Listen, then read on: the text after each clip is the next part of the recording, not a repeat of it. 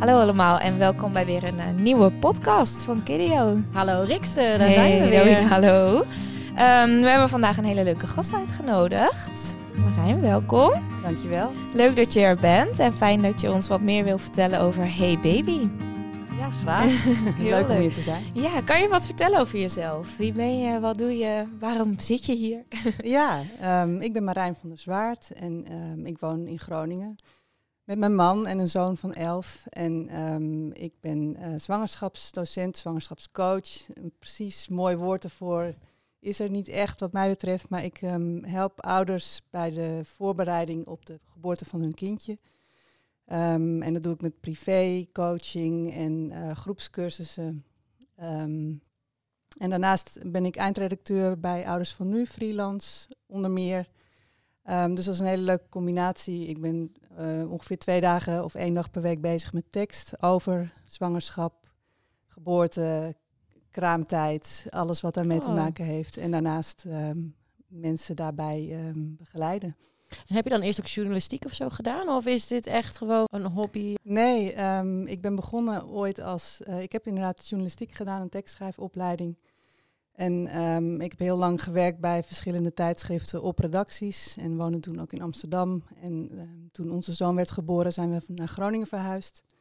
En toen ging ik freelance werken vanuit huis via de mail. En dat was eh, heel leuk, maar ook een beetje eenzaam. Ja. En ik ehm, ben ooit journalistiek gaan doen omdat ik heel erg geïnteresseerd ben in de verhalen van mensen.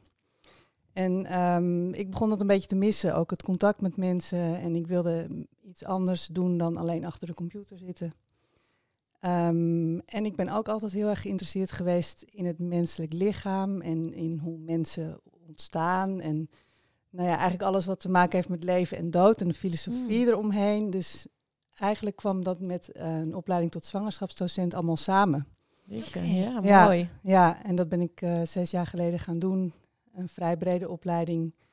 Ehm, dat bestaat nu niet meer. Dat was bij docent natuurlijk zwanger. Oh. Was een opleiding van negen maanden met eh, veel verloskundetheorie en fysiotherapie. En, ehm, maar ook veel uit de Oosterse kijk op het menselijk lichaam. Oké. Dus holistisch en met yoga en acupressuur en shiatsu. En daarnaast heb ik de training tot hypnobirthing docent gedaan. En dat heb ik samen in een cursus gestopt. En ja. op die manier geef ik de cursus nu. Wat super mooi. En kan je ook wat vertellen over hypnobirthing? Want ik zei misschien mensen, ik had er eerst ook nog nooit van gehoord. eh, voorheen, nu hoor ik het steeds vaker. Dus kan je daar iets Ja, meer wat over vertellen? Wat is het? Ja. Ja, hypnobirthing, dat is een ehm, eh, Amerikaans programma-cursus. ehm, die is bedacht ooit door een eh, hypnotherapeute. Ehm, en dat is een combinatie van eh, voorlichting over wat een bevalling precies is en wat je lichaam doet als je een baby krijgt. En heel erg vanuit de fysiologie, dus het eh, natuurlijke proces. En daarbij ehm, eh, manieren om daar goed ontspannen in te kunnen blijven.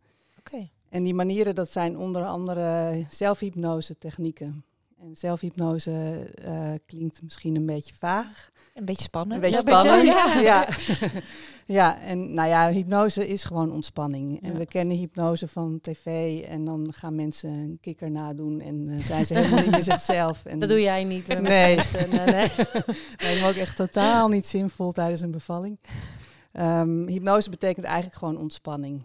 Oké. En ehm, je kunt met oefenen jezelf aanleren om ehm, rustig te zijn en naar binnen te keren en ontspannen te blijven.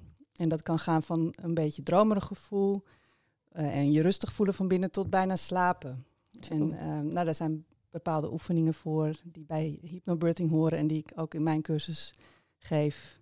En de Amerikaanse methode hypnobirthing, die opleiding heb ik gedaan en ook weer een beetje losgelaten, omdat ik ook die andere opleiding had. En daar zat ook zoveel interessants in. En ik vond ehm, de Amerikaanse methode een beetje te veel gericht op dat bevallen pijnloos zou moeten zijn. Oh. Of niet moeten, maar daar wel dat het, het idee dat eh, het als het lichaam goed kan doen wat nodig is, dat je dan eigenlijk geen pijn zou hoeven voelen. Oké. En ehm, ik geloof wel dat dat mogelijk is. En ik heb ook wel verhalen gehoord van vrouwen die zeiden, nou wat ik heb gevoeld zou ik geen pijn noemen. Maar ik denk dat als je dat gaat nastreven, dat je de lat heel hoog legt voor jezelf. En ik weet ook niet of het nuttig is om geen pijn te moeten willen voelen. want als we naar films kijken, echte romantische comedies van eh, nou, uit Amerika, dan moet het juist allemaal heel dramatisch zijn. Is Ja. het juist heel hard schreeuwen. en dan is het ook alweer tegenpolen om niks te voelen. Eh, maar Ja. dat het zo is. Ja, het is denk ik bij allebei. ehm, nou, ik probeer in elk geval mijn cursus eh, realistisch te brengen en positief. En met realistisch bedoel ik eigenlijk dat bij een bevalling van alles voorbij kan komen. En het is voor elke vrouw zo anders hoe het voelt. Ehm, dus het kan ook ontzettend veel pijn doen. En de meeste vrouwen vinden het ook echt heel veel pijn doen en vinden het keihard werken. Ehm, en dat is wat mij betreft allemaal oké. Ehm, het gaat er vooral om hoe je ermee om kunt gaan en of je er eh, rustig onder kunt blijven, of je het kunt toelaten. En daar ga ik meer op zitten. En dat kun je ook heel positief bekijken als je gaat zoeken naar de kracht in jezelf en in je zelfvertrouwen gelooft. En dat je ehm, manieren vindt om dat zo sterk mogelijk te maken. En daar kan ook ontspanningsoefeningen bij horen. Alles wat je ehm, vertrouwen geeft, kan helpen. Ja. heel mooi. Ja. En eh, ik heb het idee dat het een beetje opkomt de laatste jaren. Ehm, dat je, hè, zei het al van, ik had er eerder nog nooit van gehoord, maar je hoort het wel steeds vaker. Heb je daar een, een, verklaring voor? Ehm, nou, het versterkt elkaar natuurlijk heel erg. Dus ehm, toen ik elf jaar geleden ging bevallen, had ik nog nooit gehoord van hypnobirthing. Toen kwam het net een beetje in Nederland. Eh, toen had je alleen eigenlijk ehm, de zwangerschapsyoga in mijn beleving toen en eh, de standaard puffclub. en, ehm, en de hypnobirthing ehm, kwam volgens mij toen een beetje net naar Nederland. En ik denk ook dat ehm, eh, social media heel erg hebben geholpen. Dus vrouwen die veel meer vertellen over hoe ze zijn bevallen en wat ze hebben gedaan om zich voor te bereiden. Eh, en daar komen ook veel positieve verhalen uit. Die niet per se alleen met hypnobirthing, maar wel hoe belangrijk het is om je voor te bereiden Ja. op je bevalling. En dat je voor een deel best wel eh, grip hebt op wat er gaat gebeuren. Voor een heel groot deel ook niet. Maar dat stuk waar je wel Grip op kan grip hebben. op kan hebben, of je in elk geval op kan voorbereiden, dat geeft heel veel rust. En ehm, ik denk ook door dat idee wat we hebben uit Amerikaanse films, dat bevallen heel medisch en heel verschrikkelijk ellendig eh, is, dat vrouwen ook gaan denken van ja, maar zo wil ik het niet. En misschien kan het wel anders. En eh, dat ze daar gaan zoeken. Super mooi eigenlijk. Ja, Eh, ja. want dat kan heel anders. Ja. Ja. En ik kan me best voorstellen dat mensen nu denken van... Goh, hè, ehm kidio, kinderopvang, eh, waarom hebben we jou uitgenodigd? Ehm, nou ja, en naast dat eh, er natuurlijk al best in een vroeg stadium tegenwoordig mensen bij de kinderopvang komen... ehm, dat ze zwanger zijn, zijn wij natuurlijk ook heel erg veel bezig met eh, hechting binnen de kinderopvang. En volgens mij ben jij naast dat je dus mensen voorbereidt op de bevalling... ook wel bezig met het stukje daarna. Klopt dat? Ehm, ja, het komt een beetje aan bod in de cursus. En ik ben er vooral mee bezig. ehm, eh, omdat hechting al begint tijdens de zwangerschap. En eigenlijk al vanaf het moment dat je weet dat er een babytje komt. En eh, ook al daarvoor zelfs is er, ehm, nog voordat er een placenta is, is er al een uitwisseling tussen moeder en baby. Met allerlei signaalstofjes en communicatie. En ehm, tijdens de cursus vertel ik meer over de band die er al is tijdens de zwangerschap. En ook ehm, dat je je daar bewust mee bezig kunt houden. En ik denk dat dat heel erg helpt voor de periode daarna, als de baby er echt is. Dat ouders al heel anders gaan kijken naar eh, zo'n nieuw wezentje dat ineens eh, in hun leven Ja. is en alles op zijn kop zet. En ook zelf eh, enorm moet wennen aan de nieuwe wereld Ja. waar het in terecht is gekomen. En tijdens de cursus doen we ook wel een stuk over de kraamtijd en de borstvoeding. Maar dat is eigenlijk daar, dat is zo'n groot onderwerp dat ik daar eigenlijk een hele aparte cursus voor zou willen maken. Ja, Ja. precies. Ehm, dus dat, ja, ik weet er wel van alles van, maar in mijn groepscursus komt het maar deels aan bod. En dan zit ik ook altijd wel een beetje met van, heb ik nou genoeg verteld? En Ja. je kan er nog zo een hele dag Ja. mee vullen. Ja, absoluut. Ja. We hebben het daar ook al eh, veel met Leonie eh, Winkel over gehad. eh, Ja. de hechting en wat we daar als Kidio aan proberen bij te dragen. Ehm, de eerste duizend dagen, Ja. bij jou ook wel bekend, eh Ja, Tessa. Rozenboom. Ehm, dus heel mooi dit, dat vanuit verschillende hoeken hier aandacht aan wordt besteed. Ja, Ja, heel erg mooi. En vanaf wanneer kunnen mensen contact met jou opnemen? Eh, Ehm. om, om zich eh, met zo'n cursus eh, in te schrijven bijvoorbeeld? Ja, ehm, dat verschilt heel erg. Het, kan, maar het mag altijd. Het mag ook zodra je weet dat je zwanger bent, als je dat graag wilt. Maar de meeste ouders moeten eerst helemaal nog wennen aan het idee dat ze überhaupt een baby krijgen. En Ja. ook heel erg bezig met die eerste fase en eh, wat er allemaal verandert in het lichaam. En dan zijn ze meestal nog helemaal niet zo bezig met, oh, ik ga straks ook nog bevallen. Ehm, dus meestal rond 20 weken beginnen ouders met mij mailen en een beetje uitzoeken. ingedaald, eh. ja, Ja. en een beetje bedenken van, goh, hoe zou ik me willen voorbereiden? En dan ehm, starten de meeste ouders met de cursus zo rond 27 weken. En sommigen ook pas last minute nog.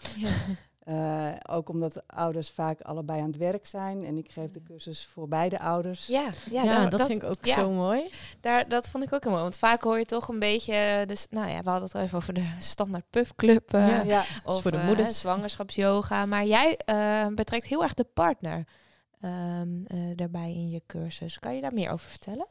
Ja, ik vind dat heel logisch om het samen te doen. Omdat je ook samen de baby krijgt. En eh, omdat ehm, nou ja, vaders vaak zich een beetje aan de zijlijn voelen staan. Of, of de andere moeder, die ook moeder wordt van het kindje. Ja. Ja, uiteraard. Ja. Ehm, en eh, wel, ik merk heel erg dat de mensen die bij mij komen, dat de partners wel heel graag betrokken willen zijn. En ehm, het ook interessant vinden om te weten wat er allemaal gebeurt met dat kindje dat ook van hen is. En voor de vrouwen is het vaak zo fijn dat hun man precies weet wat er bij die bevalling gaat gebeuren in haar lichaam. En ook weet hoe die daarbij kan helpen. En dat ze het tijdens de cursus daar samen over hebben gehad.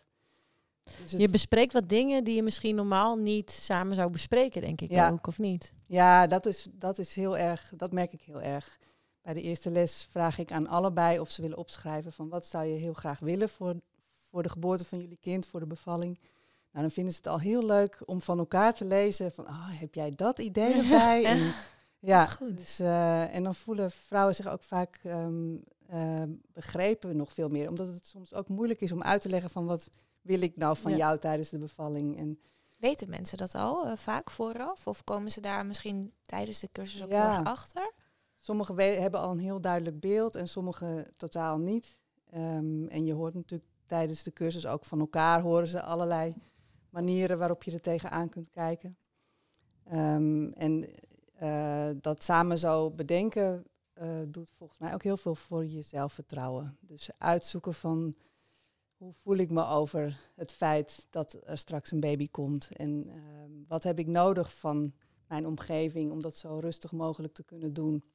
En de mannen, de partners vinden het ook zo fijn dat ze iets kunnen doen. En dat ze er niet alleen maar bij staan met eh, een beetje een hulpeloos gevoel. Help. Ja, Ja. en Ja. soms hoeven ze uiteindelijk helemaal niks te doen, omdat de vrouw het echt prima kan zonder hulp. Maar dan is het wel heel fijn om erbij te staan met ehm, kennis en met het vertrouwen in haar. Dat je dus ook weet van nou, dat lichaam is, Ja. zit heel knap in elkaar.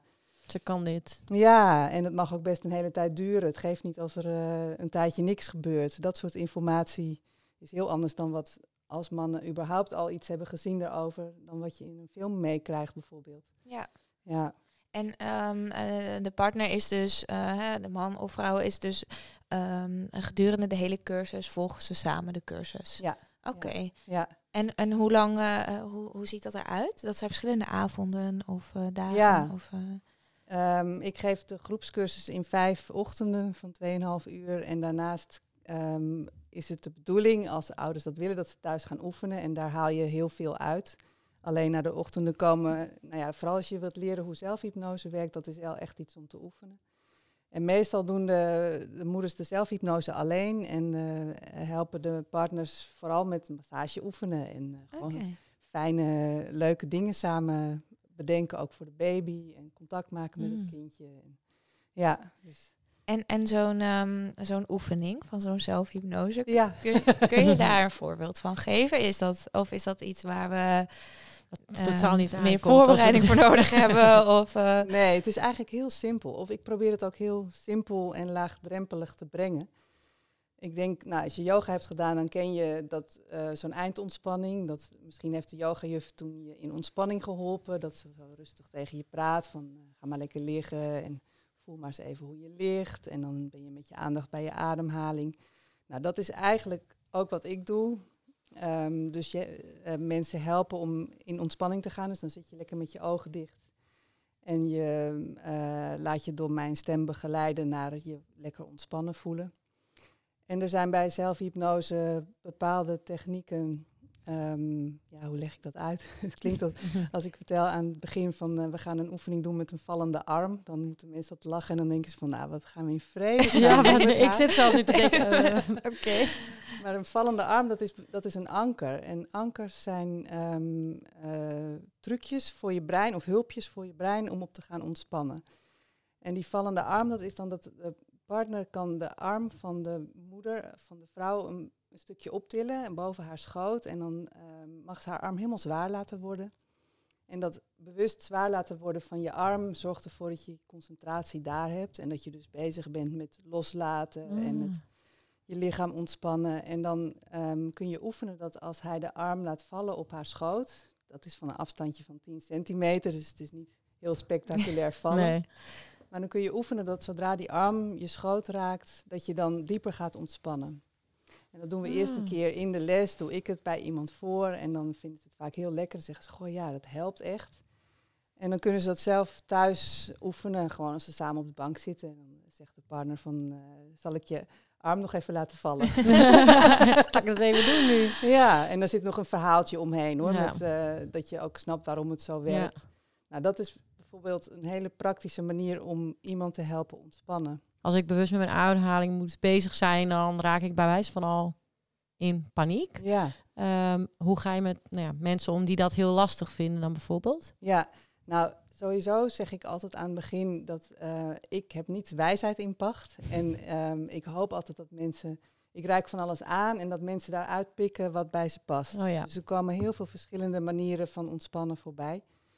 Ehm, en ik vind altijd zo belangrijk dat mensen doen wat goed voelt voor hen. En dat je niet denkt van, oh, ik moet een bepaald stappenplan volgen om goed te kunnen bevallen. Ja, want dat vind ik bijvoorbeeld met yoga ook altijd. Oeh, yoga, oeh, krijg ik al kriebels van. Ja. Want dat is heel erg op ademhaling. Dat ik echt Ja. denk, oh. Nou ja, we oefenen de ademhaling wel in de les. En dan zeg ik voor dat een heel enkele keer gebeurt dat dat iemand dat echt niet fijn vindt. En dan zeg ik, nou adem maar lekker zoals je zelf gewend bent. En dan doe je met het volgende weer mee. Ja. Want dat is Ehm. natuurlijk wel ook weer heel belangrijk eigenlijk. Tenminste, ik kan me voorstellen dat het tijdens een bevalling heel belangrijk kan zijn om je ademhaling goed onder controle Ja, te hebben. nou ja, je moet natuurlijk gewoon ademen. Ja. Ook als je aan het bevallen bent. Dus het is fijn als je in elk geval ehm, niet in paniek raakt door je eigen ademhaling. Dus dan kan het al heel erg helpen om ehm, je, je normale natuurlijke ademhaling te doen en te kijken of je daar met je aandacht bij kunt zijn. En als dat ook voor onrust zorgt, dan laat je het los. En dan ga je met je aandacht, kun je focussen op iets anders. En soms helpt het al als mensen alleen maar zeggen op hun inademing, ik adem in, in hun hoofd. en op hun uitademing, ik adem uit. En dan gaat het er vooral om dat je brein eh, Ah, een taakje heeft. Dus dat je je brein, dat altijd maar druk aan het werk is, iets te doen geeft. Oh ja, dan Ja. niet na kan denken dat je met je Ja. ademhaling bezig bent. Ja, Dus je, Ja. je biedt eigenlijk verschillende handvaten eh, voor tijdens een bevalling. Ehm, Ja. En ouders kunnen daarin zelf eh, kijken wat ze prettig vinden of waar ze zich goed bij voelen. ja, ja. Ja. En ehm, eh, eh, hoe zie jij zeg maar de, de noodzaak van deze kennis, zeg maar, hè? dat mensen hier eh, iets aan hebben? Hoe ervaar jij dat moeders eh, op jou terugkoppelen van nou, hè, ik heb eh, mijn bevalling achter de rug en ehm, het heeft me heel erg geholpen, want krijg je daar veel terugkoppeling over? Ja, sowieso eigenlijk vrijwel altijd hoor ik achteraf hoe de bevalling is gegaan. En vinden ouders ook heel fijn om over te vertellen. En wat mensen eruit halen is zo verschillend. En eigenlijk zegt iedereen, we hebben heel veel gehad aan de voorbereiding. En ze weten natuurlijk ook niet hoe het was geweest als ze zich niet hadden voorbereid. Ehm, maar het bewust samen bezig zijn geweest met wat er gaat gebeuren, is vaak al wat ze heel fijn hebben gevonden.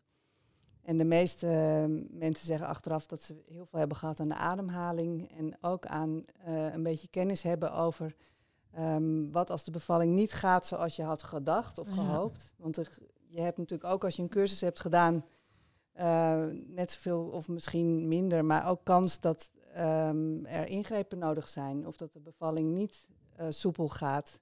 Dat kun je niet met een Nee. cursus uitsluiten. Nee. dus die bevallingen zijn er ook. En dan vinden ouders het heel fijn dat ze van ehm, scenario's die ze tegen kunnen komen, een beetje weten van, oh ja, dat zijn dan mijn opties. En ehm, ik mag vragen stellen, ik mag nee zeggen.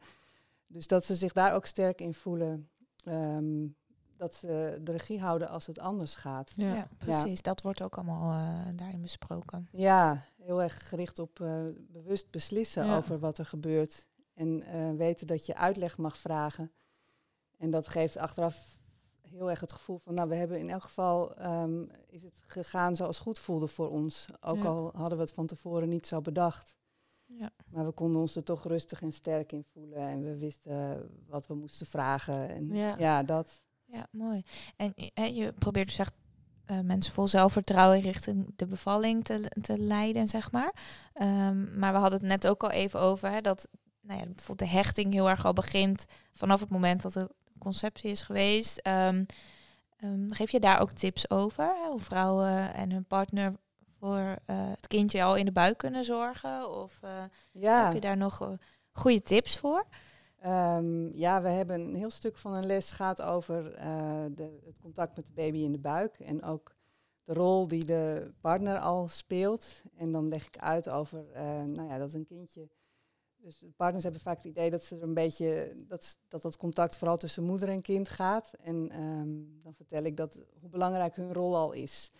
En dat op een gegeven moment ook de baby hun stem hoort. En eh, dat, de baby, dat als zij hun vrouw gelukkig maken, dat er allerlei geluksstofjes ook naar de baby gaan. Ja. En, nou ja, en dan zijn er eh, manieren om contact te maken, echt eh, bewust, fysiek. Dus spelletjes die je al kunt doen met je baby. Kloppen op de buik en kijken of de baby reageert. En heel vaak weten ouders dat al wel. Of hebben ze dat zelf al uitgevonden. Oh ja. Of zijn ze een beetje Ja. aan het experimenteren? Ehm, en ook het praten tegen de baby. En dan vinden ze het vaak eh, een beetje ongemakkelijk. Of Ja. gek voelen. Om zomaar, ga je dan zomaar een verhaal houden tegen die baby die niks terugzegt. En dan vertel ik dat je dat ook ehm, in gedachten kunt doen. En dat doet heel veel met de hersenontwikkeling Mhm. bij de ouders, maar ook ehm, bij het kindje in de, in de buik van de moeder, omdat het heel erg de stemming van de moeder oppikt. Ja. Maar ook bij de partner ehm, zijn de hersenen zich aan het voorbereiden op ouderschap. En eh, als je daar bewust mee bezig bent, dan komen er allerlei hersenverbindingen die al te maken hebben met willen zorgen voor het kindje straks. En ehm, nou, die dat gevoel, gevoel al versterken.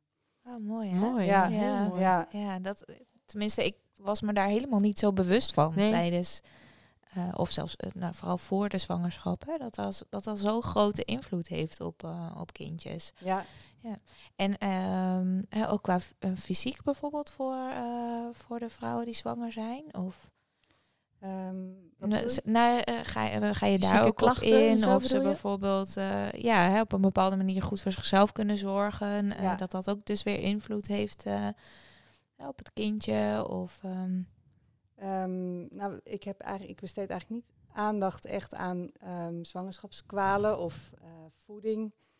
Ehm, eh, wel op de voorbereiding op de bevalling, wat je daar fysiek voor kunt doen. En dat gaat vooral over houdingen waarin je ruimte kunt maken voor de baby. En ook fysieke oefeningen die je kunt doen om je bekken zo goed mogelijk voor te bereiden. Zodat de baby in een eh, ideale positie Ja. kan gaan liggen. En zodat je bewegelijk bent in je bekken eh, en, en alvast wat houdingen hebt geoefend. Er zijn heel veel manieren om te, de bevalling te helpen. En wat als je, eh, want je hoort ook wel eens mensen op een gegeven moment dan draait het babytje niet goed en dan moet er toch een keizersnede komen. En dan weet je op den duur dus dat dat eraan gaat komen. Hoe bereid je mensen daarop voor? Want ik hoor echt regelmatig vrouwen die dat echt heel lastig vinden, dat het dan toch niet natuurlijk kan gaan. Want dat is hetgene wat je graag wil, maar Ja, Ehm, nou vaak eh, komt die eh, afweging pas na de cursus. Eh, heel soms gebeurt het al dat vrouwen het tijdens de cursus al weten. Dat er een, bijvoorbeeld dat de placenta voor de baarmoedermond ligt. Ehm, en dan weten ze dus dat, ze, dat de baby alleen met een keizersnede geboren kan worden. En dan willen ze toch ehm, leren hoe ze daar ontspannen mee om kunnen gaan. En ik kan ze helpen meedenken met wat zou je bij een keizersnede graag Ja. willen en belangrijk vinden. Ehm, maar het komt niet standaard in de groepscursus Nee. aan bod. Meestal komen mensen dan apart, privé. Nog eh, lang. ja, Ja, maar ook Ja. mooi om te weten, Ja. denk ik, dat je je ook daar heel erg goed op kan voorbereiden. Ja. Want Ik denk dat dat ook nog wel eens onderschat mensen. Ja, wordt. dat overkomt Ja. mensen dan ook gewoon Ja. maar. En toch ook goed dat je daar dus dan bewust van bent. Als dit gebeurt, eh, hoe reageer ik dan? Ja. Of Ja. wat kan En- ik er dan mee doen? Eh, ja. En het fijne bij een geplande keizersnede is dat je er dan ook echt over na kunt Ja. denken. En over, in overleg kan. En ehm, bij een spoedkeizersnede, daar besteed ik een beetje aandacht aan in de cursus. Bij de, het stuk dat gaat over wat als je bevalling anders gaat dan je had Ja. gehoopt. En dan zit het hem heel erg in ehm, eh, vragen stellen en goed uitgelegd krijgen waarom het nodig is. En eh, dat geeft ook veel rust. Ja, Dus, eh, precies. proberen te voorkomen dat je er compleet door wordt overvallen. Ja. Ja, Zelf de Mm. controle dus houden. Ja. Eigenlijk. ja vooral eh, regie. Dat Ja. is een Ja. controle en regie. Ik Ja. doe altijd, altijd, omdat ik tekstschrijver ben, heel erg met woorden. Ik vind altijd ehm, controle willen mensen heel graag. En dat heeft ook iets krampachtigs in zich. Van wat als ik de controle niet heb, Nee, precies. dan is er dus helemaal niks, ehm, blijft er niks over.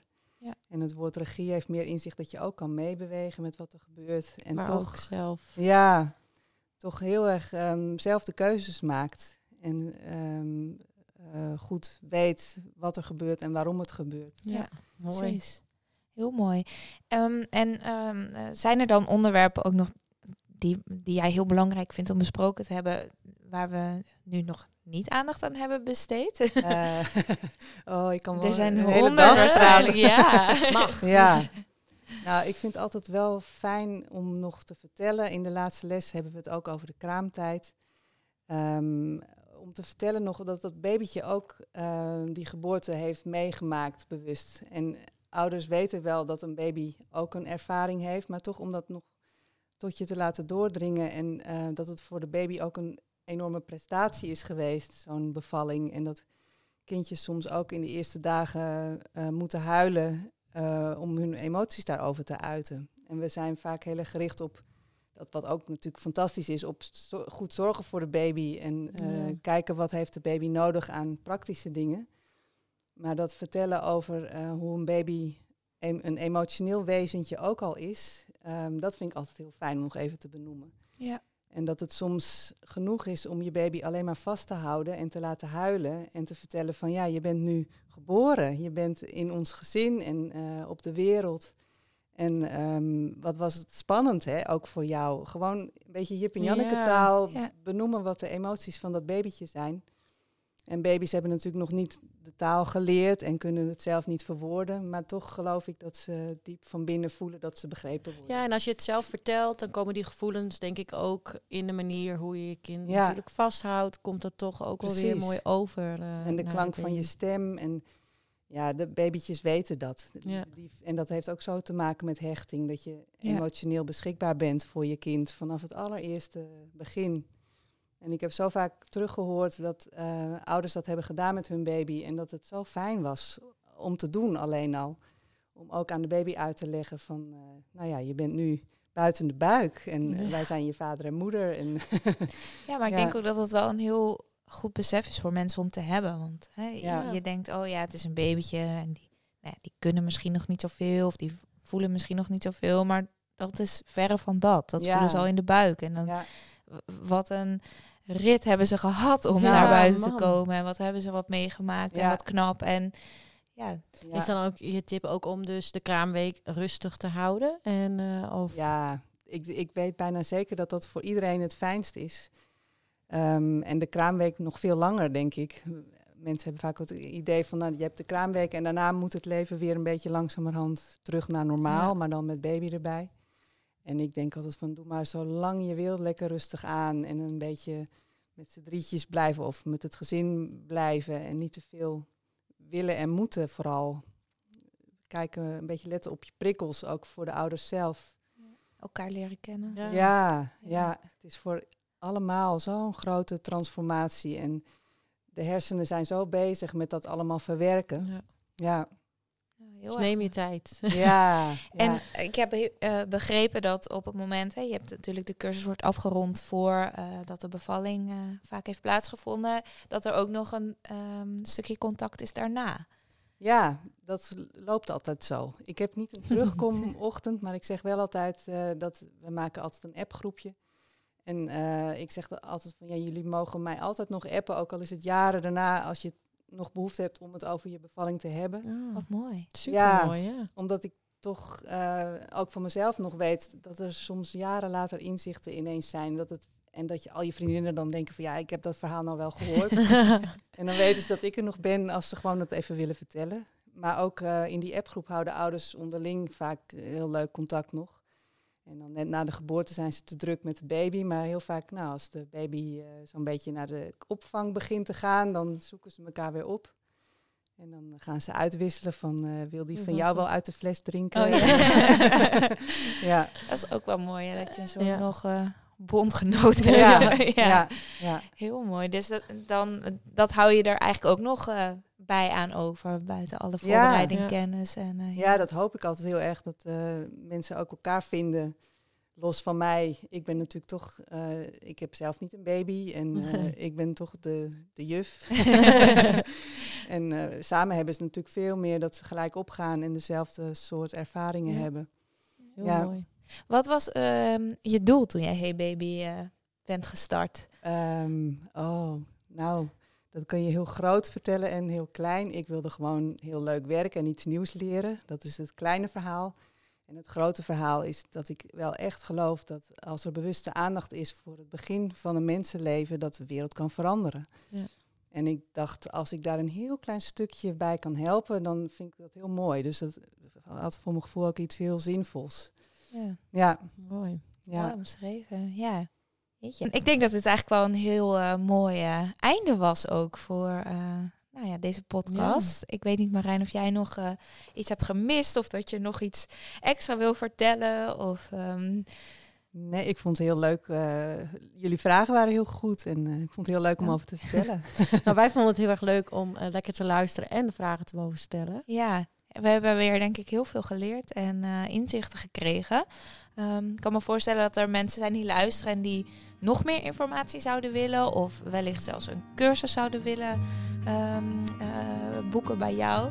Waar kunnen ze jou uh, vinden of waar kunnen ze meer informatie krijgen? Um, via de website heybabycoaching.nl en anders op Instagram. Daar post ik regelmatig ook dit soort inzichtjes en tips en oefeningetjes. Leuk. Het is ook gewoon Hey Baby Coaching. Nou, zullen je ook ja. even taggen. En um, de ouders van nu uh, gaan we ook even extra ja. goed doorspitten. Nu. Ja, zeker. Heel leuk. Ik doe vooral voor online uh, Oké, okay. okay, website. leuk. Ja. Heel leuk. Nou, gaan we even in de gaten houden. Ik wil je heel erg bedanken voor je komst. Uh, mochten er nog vragen zijn naar aanleiding van deze podcast, dan uh, gaan we die uiteraard bij je neerleggen. En uh, nou, wie weet, spreken of zien we elkaar nog een keer in de toekomst. Dankjewel. Hartstikke bedankt. Jullie ook heel erg bedankt. Graag gedaan. doei doei.